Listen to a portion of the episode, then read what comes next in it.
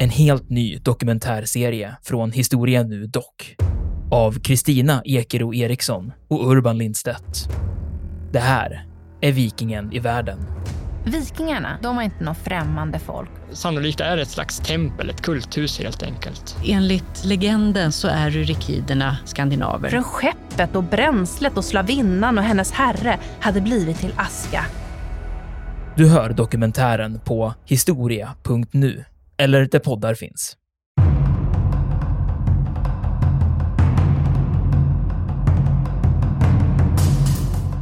När man retirerar då från Viborgska gatloppet, backar västerut, så ställs man ju inför ett, ett dilemma här. Ska man stanna upp och ta striden? För ryssarna kommer att nu att förfölja. De är segervissa. Eh, ska man gå hem, kanske till och med till Sveaborg och, och, och så att säga gömma sig? Eller ska man våga ta strid? Och då fattar man ju beslutet att stå kvar då i ett krigsråd den, den 8 juli. Det är ju Gustav III själv som ju väldigt starkt driver att man ska stå kvar vid Svensksund. Och då är ju Kronstedt med det. Han har ju varit med vid det här nederlaget vid Svensksund faktiskt året innan. Men han vet att den här positionen är väldigt stark om man hanterar den rätt. Om man gör rätt. Så man fattar ju beslutet om att stå kvar och kungen är så vitt man vet egentligen, får egentligen bara stöd av Kronstedt riktigt aktivt. De andra är väldigt skeptiska.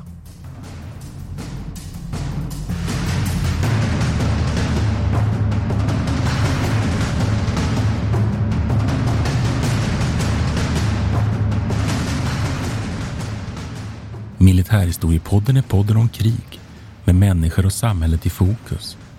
Programledare är Martin Hårdstedt, professor i historia vid Umeå universitet och Peter Bennesved, doktor i idéhistoria. Podden ges ut av förlaget Historiska Media. Stöd gärna MH-podden via vårt swishnummer 123 610 76 68. Märk betalningen med MH-podden.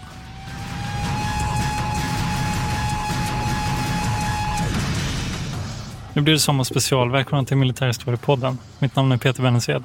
Och jag heter Martin Nordstedt. Och eh, vi ska prata om Svensk Sund helt enkelt. 1790. Och jag, ja, och jag har en liten grej här.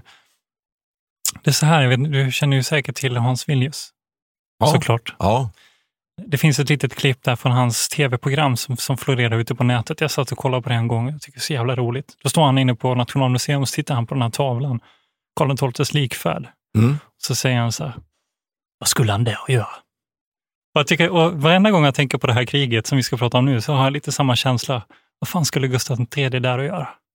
ja, för vi skulle kunna börja egentligen med Ja. att det här, det här Gustav IIIs ryska krig som man brukar prata om, som ju pågår mellan 1788 och 1790, är ju att betrakta väldigt mycket som ett, ett krig drivet av monarken själv.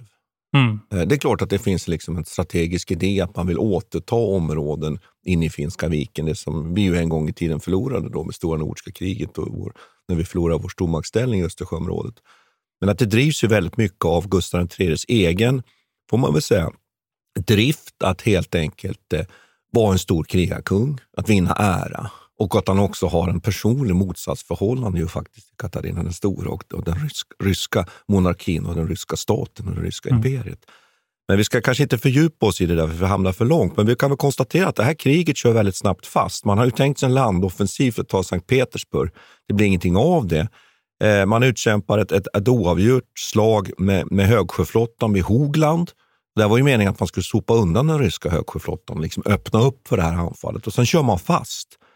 Och vi kan väl konstatera att 1790 så tar man ny fart och försöker då sätta igång en, en, ny offensiv in i Finska viken. Och då har man ju precis, har han ju också avvärjt ett myteri från den svenska officerskåren faktiskt. Därför att det finns ett starkt motstånd i Sverige mot det här kriget. Det pratar om Angela-förbundet. Ja, Angela-förbundet. Va? Och där, där han ju också har samlat riksdagen. Angela-förbundet 1788 och samlat riksdagen 1789. Och förstärkt sin ställning faktiskt genom att trycka till adelsgruppen, adelståndet framför allt. Så han har ju dödsfiender nu mot sig. Och och ju faktiskt stärker då enväldet sitt ställning i enväldet. Och ska man vara lite exakt här så har vi ju en regeringsform från 1772 och sen lägger man till då någonting som heter Förening och säkerhetsakten 1789, så han är ju enväldig. Och sen sätter han igång då, fortsätter det här kriget, tar ny fart och så skickar han in flottan, den samlade flottan, både högsjöflottan och skärgårdsflottan som vi kommer till. Och så blir han ju instängd. Mm. Instängd inne i Finska viken vid Viborg. Han blir mm. instängd med hela flottan i Viborgska viken. Men lyckas ju mirakulöst slå sig ut från Viborgska viken. Och det här sker då ett antal veckor före Svensksund. Nu är vi på sommaren då, eh, mm. 1790. Och, kan vi spola tillbaka där lite? Ja. Där vi, vi, vi, Viborgska gatloppet som ja. vi pratar om. För här spelar ju en annan karaktär som vi har pratat om förut i det här. Ja. Sveaborg har vi pratat om. Och då har vi den här eh, karaktären Kronstedt. Och det är egentligen han som led, leder den här utbrytningen.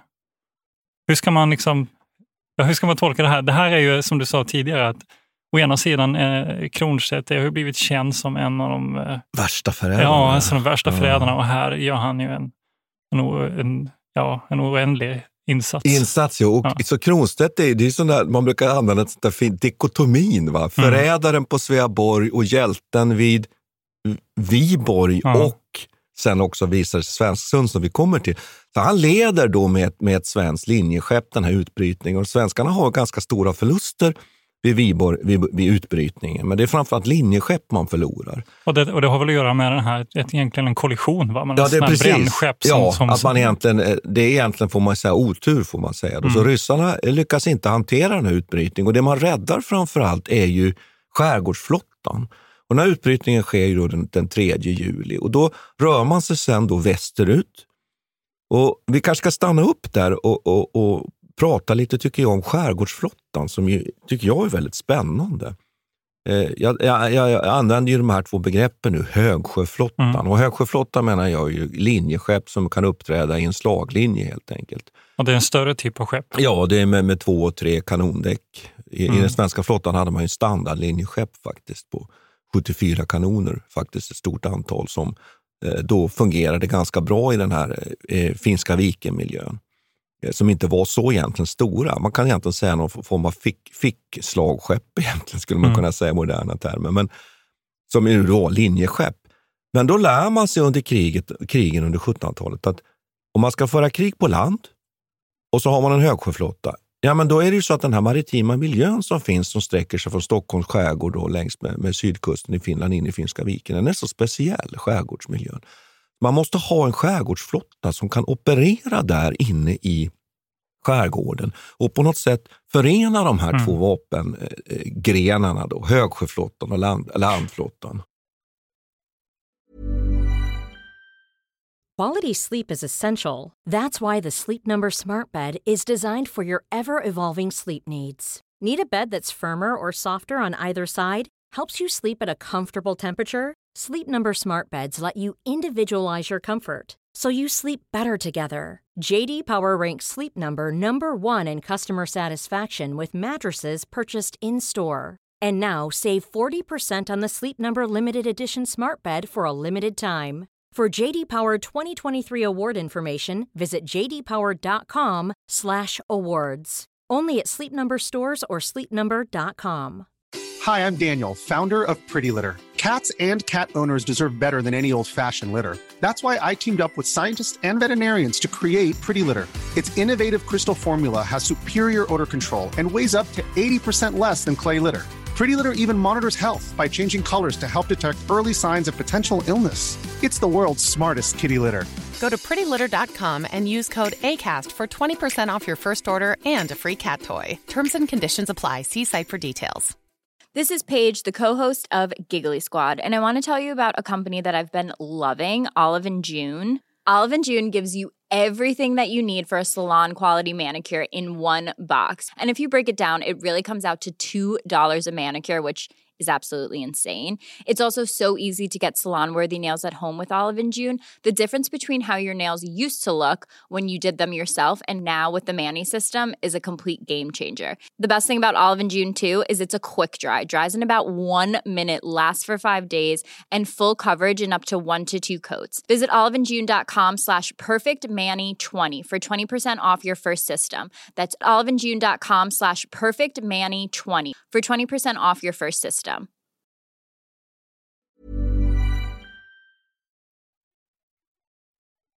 När man tittar på de här båtarna, man använder de här galärerna. Ja, för det är ju det som Ja, är stommen och då- först i skärgårdsflottan. Och de finns ju, får jag bara säga det, Ja. längre tillbaka under 1700-talet. Så det är ju stommen. Ja, men det här är ju galärerna. medeltids, eller vad säger medelhavsskepp Ja, i princip. ja. Och det är så en eh, väldigt unik miljö här då. Som, man använder egentligen en typ av båtar som man använde under, i Medelhavet under antiken. Och då att de rors. Och det är ju därför att man ska kunna hantera de här svåra vindförhållandena Mm. som finns i skärgården. Eh, och då har man, har man de här galärerna som du säger och de är ju bestyckade med ofta tunga kanoner i fören. Och, och vi kan ju kanske Men de ger ju intryck av att vara något närmast, närmast antikt i det här sammanhanget. Eftersom det är en del rör sig på 1700-talet.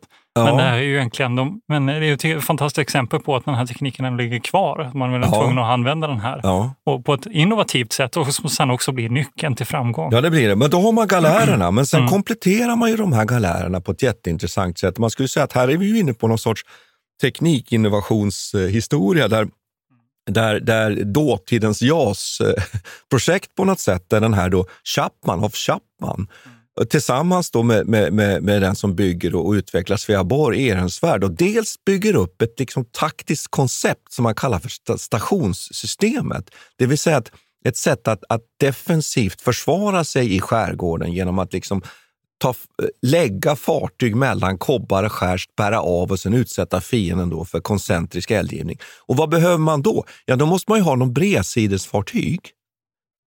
Men då duger ju inte de här linjeskeppen för de är för, för djupa. Utan då bygger man sådana här speciella specialfartyg med rörliga kanoner och faktiskt centralgrupperade eh, artilleri. Väldigt, väldigt spännande. Den här Chapman är ju en enormt stor innovatör.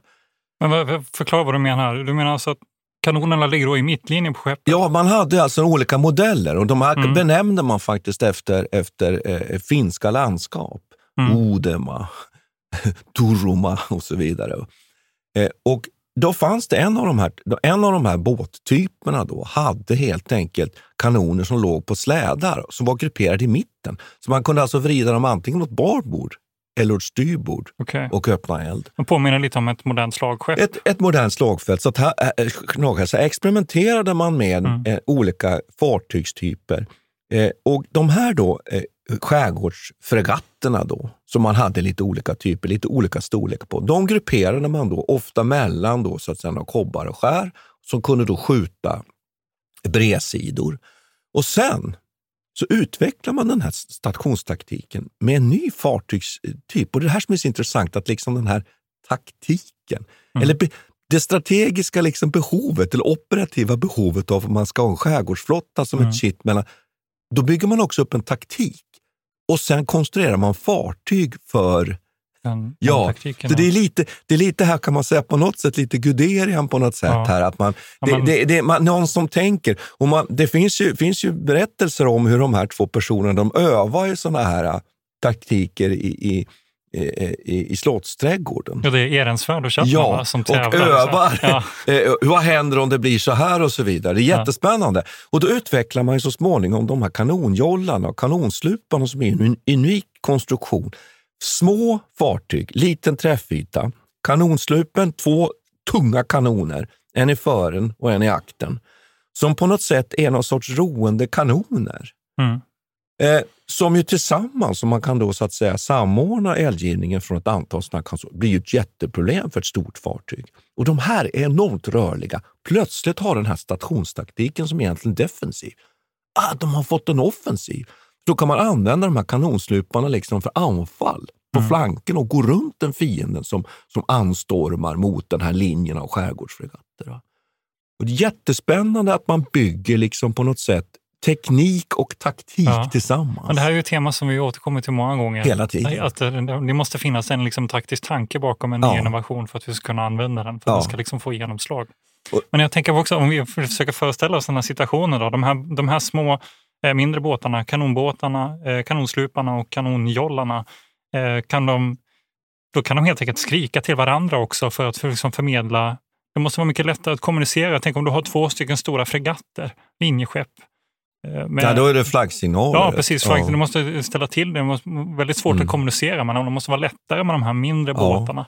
Och, och de strider ju. Man, man, de här, eh, skärgårdsflottan kommer ju att bli egentligen en del av armén. faktiskt. Man pratar ju faktiskt om Mm. arméns flotta. Man vinner sin första framgång då, 1759 under Pommerska kriget mot den preussiska flottan.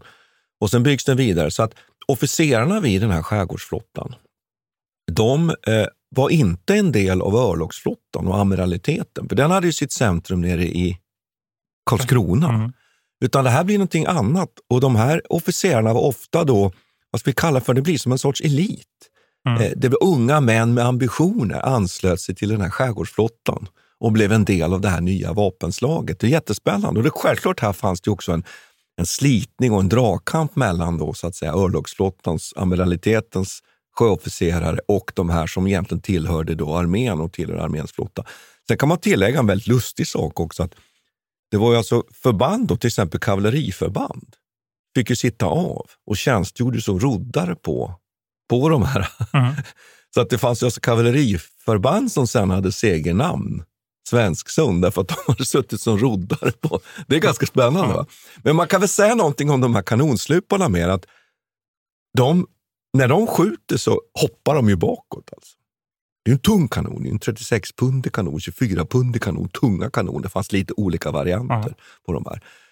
Eh, så att det som händer här nu plötsligt är ju att när man retirerar då från Viborgska gatloppet, backar västerut, så ställs man ju inför ett, ett dilemma här.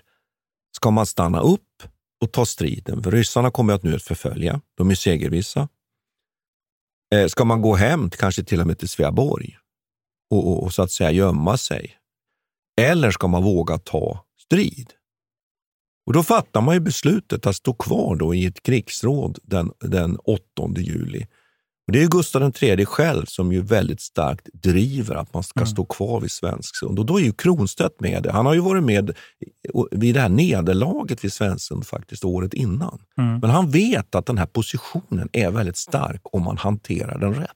Om man gör rätt.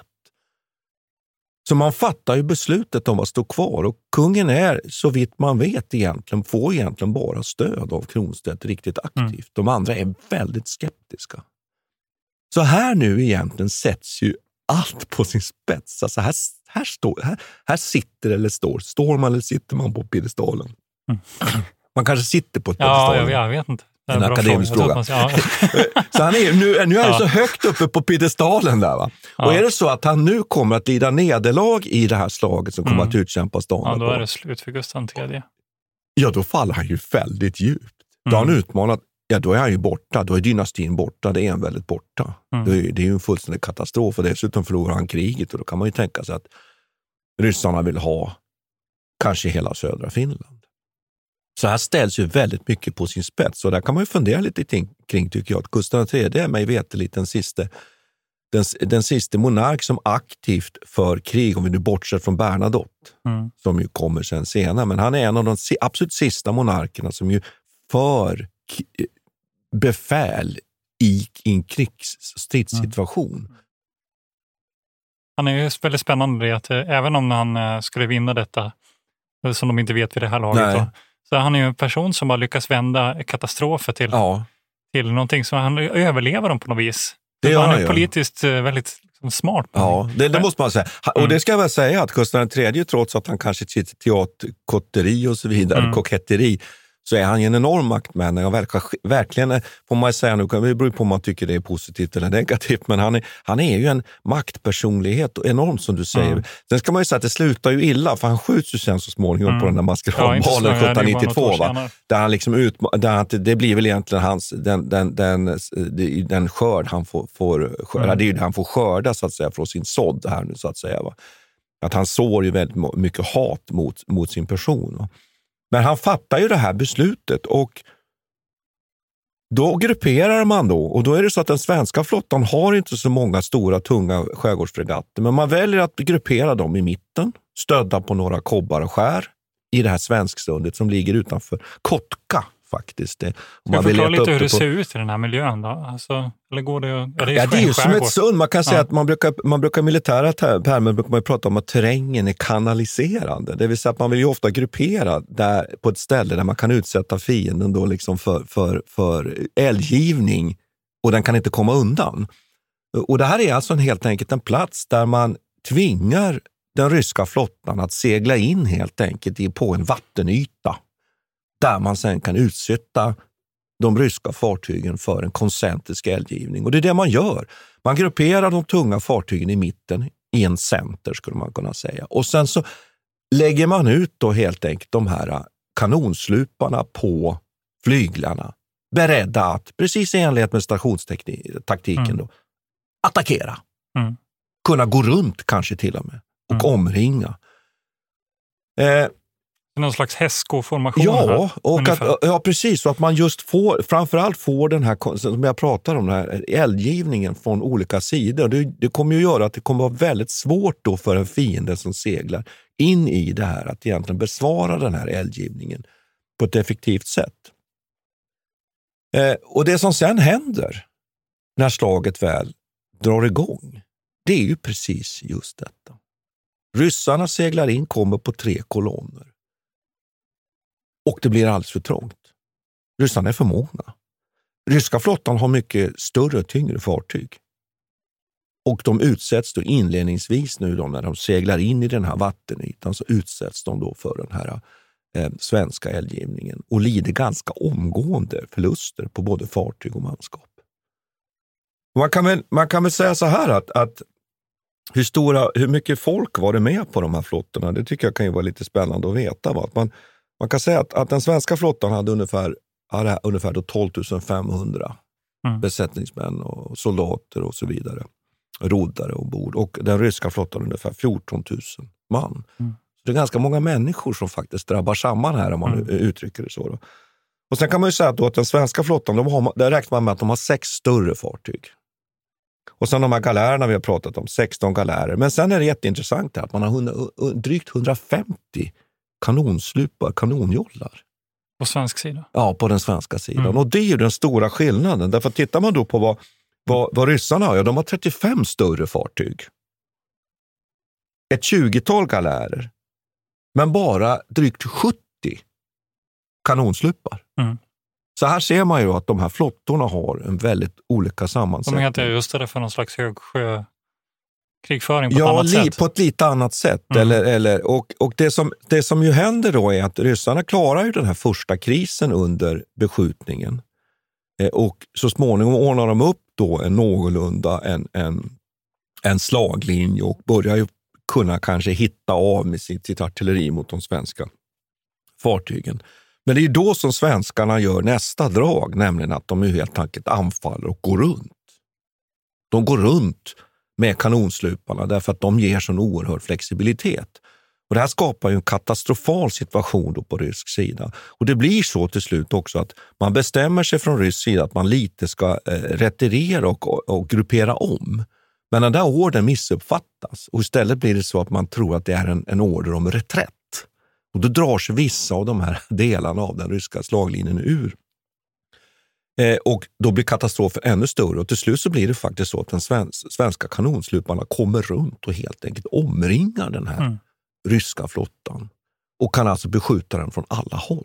Och de är så små så de går inte egentligen att svara mot. Nej, Nej. Eh, men har samtidigt en, en enorm eldkraft med mm. de här mm. kraftiga kanonerna. Så att det som ju det här slutar med egentligen är ju en, en veritabel rysk katastrof mycket stora förluster. Man sänker ju i stort sett egentligen hela den ryska skärgårdsflottan. Hej, det är Danny Pellegrino från Everything Iconic. Ready to upgrade your style game without blowing your budget? Check out Quince. They've got all the good stuff, shirts and polos, activewear and fine leather goods all at 50 to 80% less than other high-end brands. And the best part? They're all about safe, ethical, and responsible manufacturing.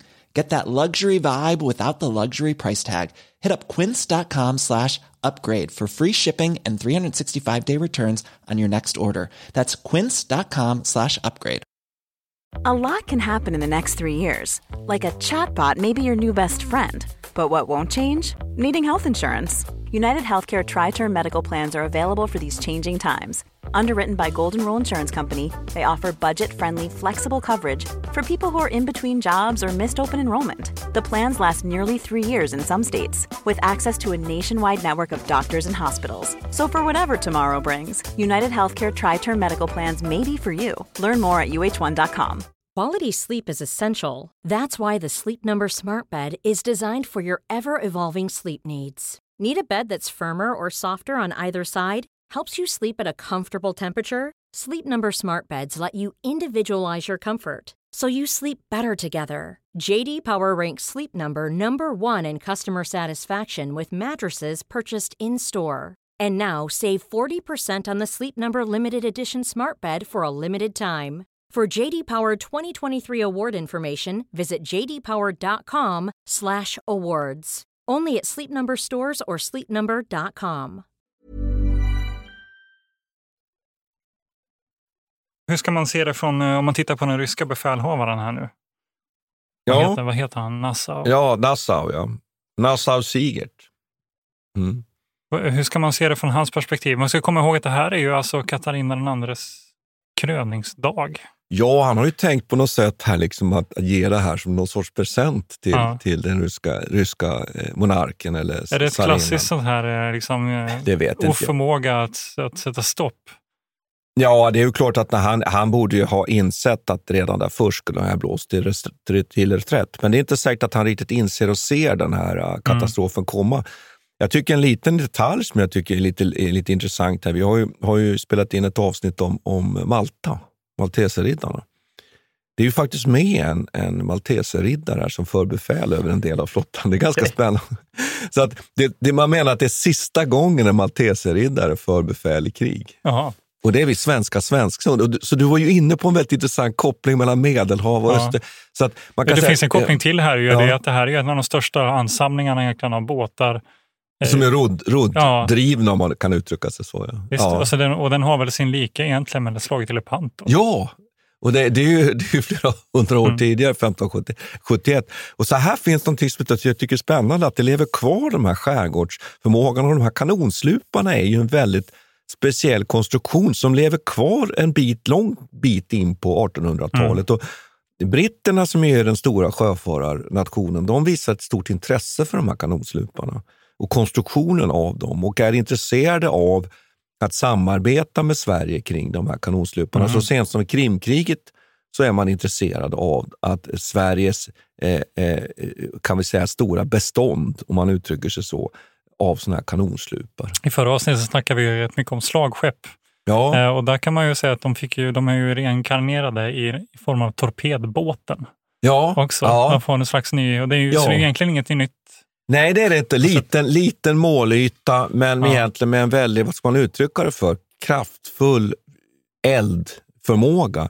Mm. Lite störtbombare. Mm. Ska man kunna tänka sig så? Ja. Lite stört. Vi, vi leker ju lite med de här begreppen. Vi har ju pratat mycket om, om Stukan och hur den används i den, i den Mm. tyska rörliga krigföringen. Att det, det finns vissa likheter här. Att krigföring ofta när det gäller taktik och man använder olika vapensystem, det finns ju likheter som man kan liksom lite leka med här. Brännskepp och sånt har man ju använt länge också. Man Ja, helt enkelt att- skickar in upp, liksom Ja. tända skepp. Ja, precis. Och det kan Mm. man ju kanske utveckla så att, precis som du säger, att man Mm. tar ett gammalt fartyg, man, man tänder eld på det och så låter man det driva in. Och det var ju det som misslyckades vid Viborgska gatloppet. Mm. Att där, där, där, där helt enkelt där flyter det här brännaren in mot de svenska fartygen, vilket ju inte riktigt var meningen. Mm. Alltså.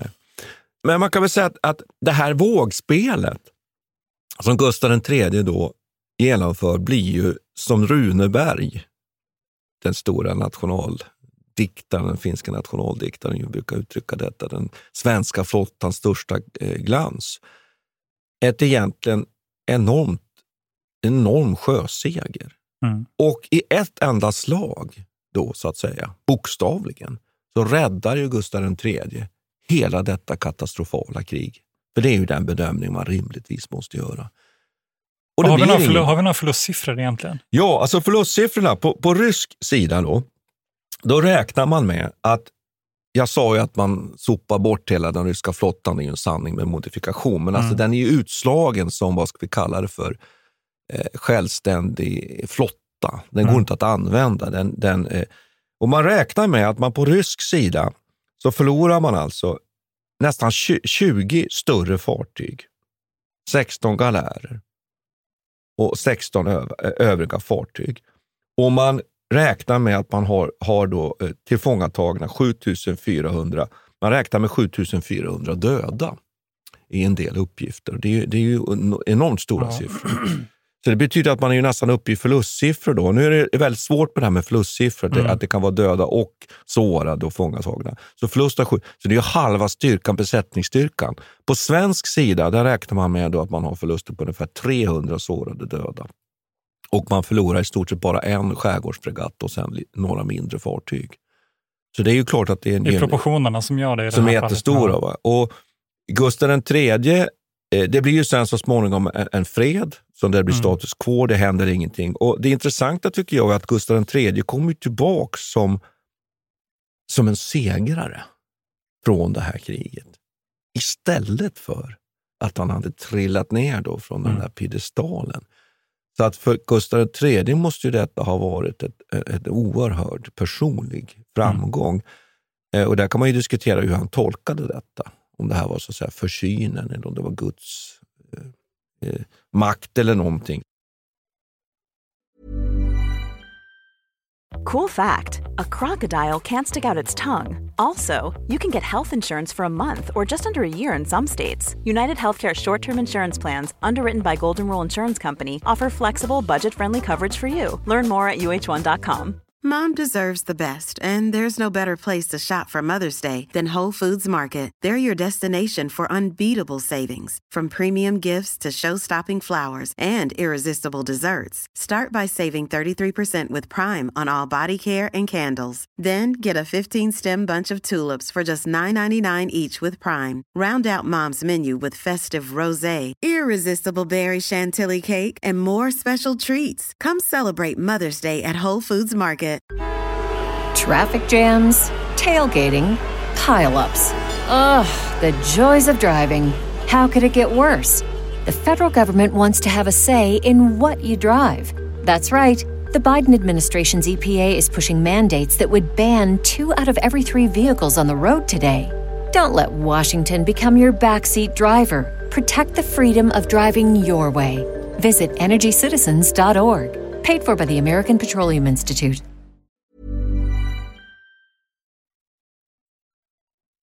Är det Rysslands Poltava det här? Är det, är det, är det att ta i?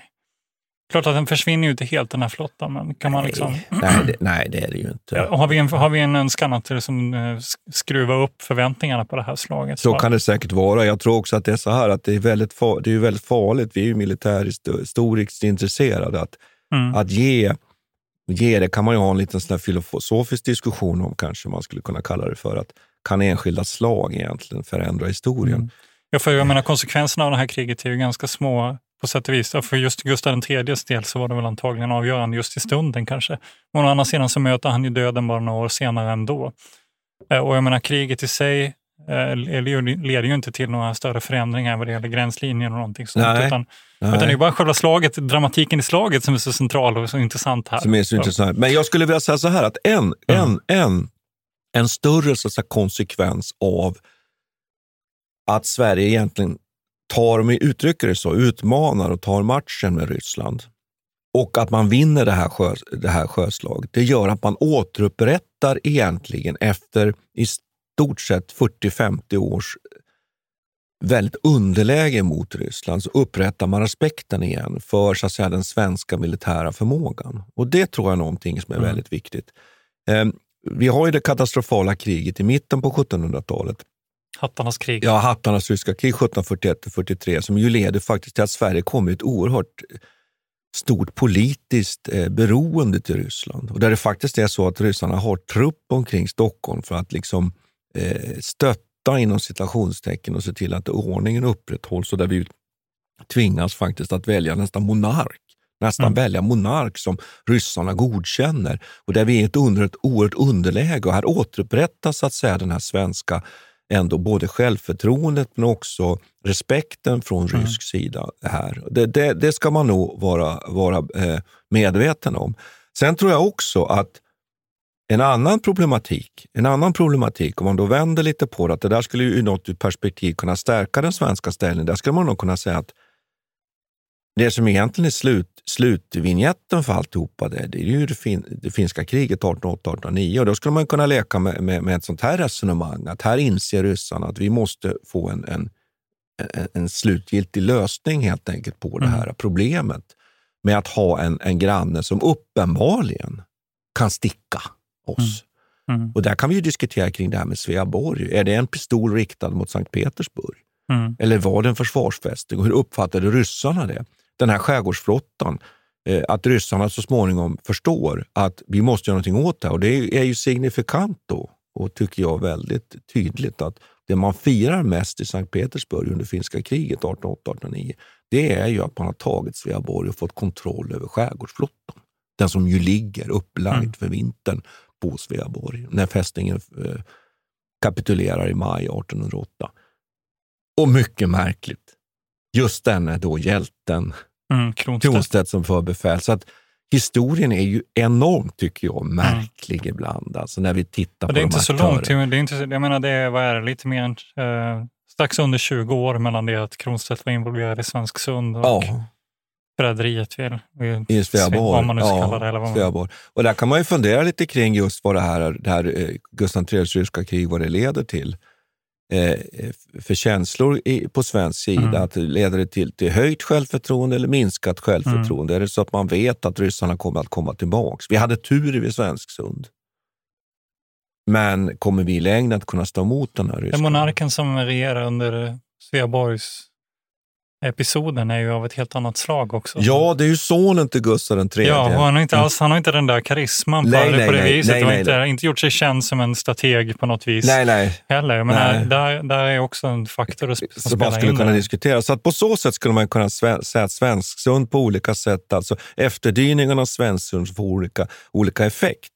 Mm. Eh, men, men jag, jag, tycker att, att historien om Svensson också, jag vill eh, komma tillbaka och repetera, repetera det en gång. Det, jag, jag, tycker att det är fantastiskt intressant med de här innovationen och mm. byggnationen av de här fartygen. Det är, en, tycker jag, en period i svensk historia som är väldigt spännande. Ja, det här samarbetet mellan å ena sidan Ehrensvärd och Chapman. Och Chapman, ja. ja.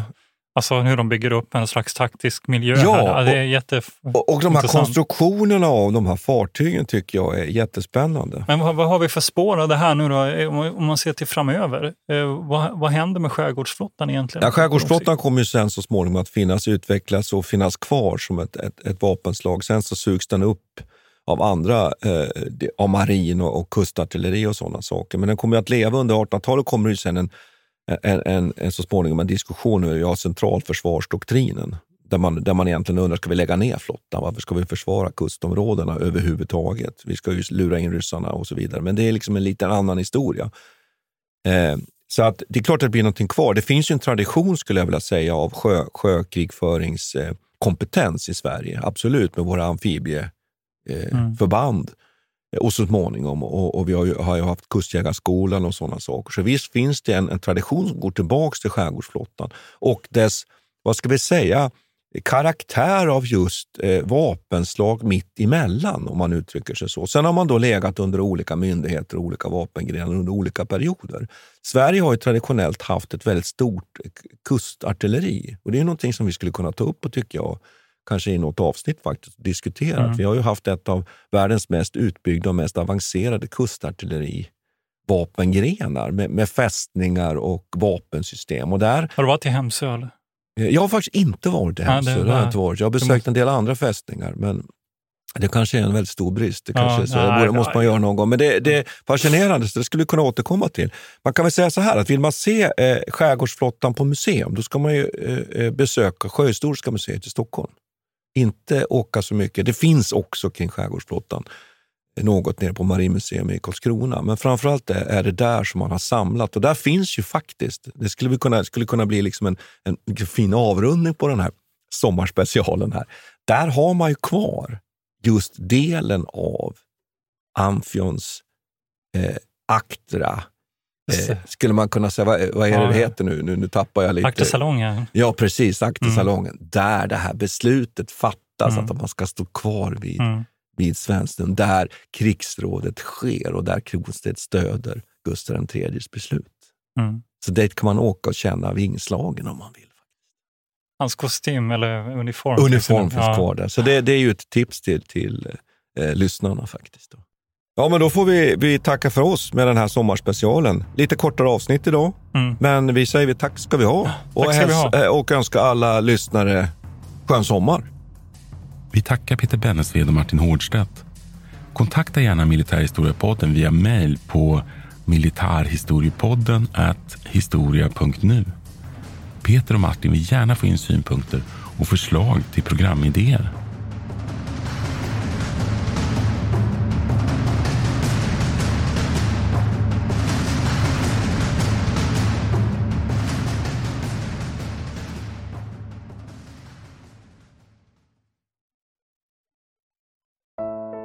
Iran har under 1900-talet genomgått tre omvälvande revolutioner som orienterat landet antingen mot västerlandets modell eller mot en auktoritär styrelseform.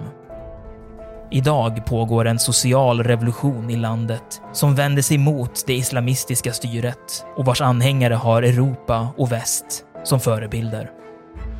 I en viktig bok ger idéhistorikern Mohammad Faslashemi en djupare förståelse för dagens dramatiska händelseutveckling.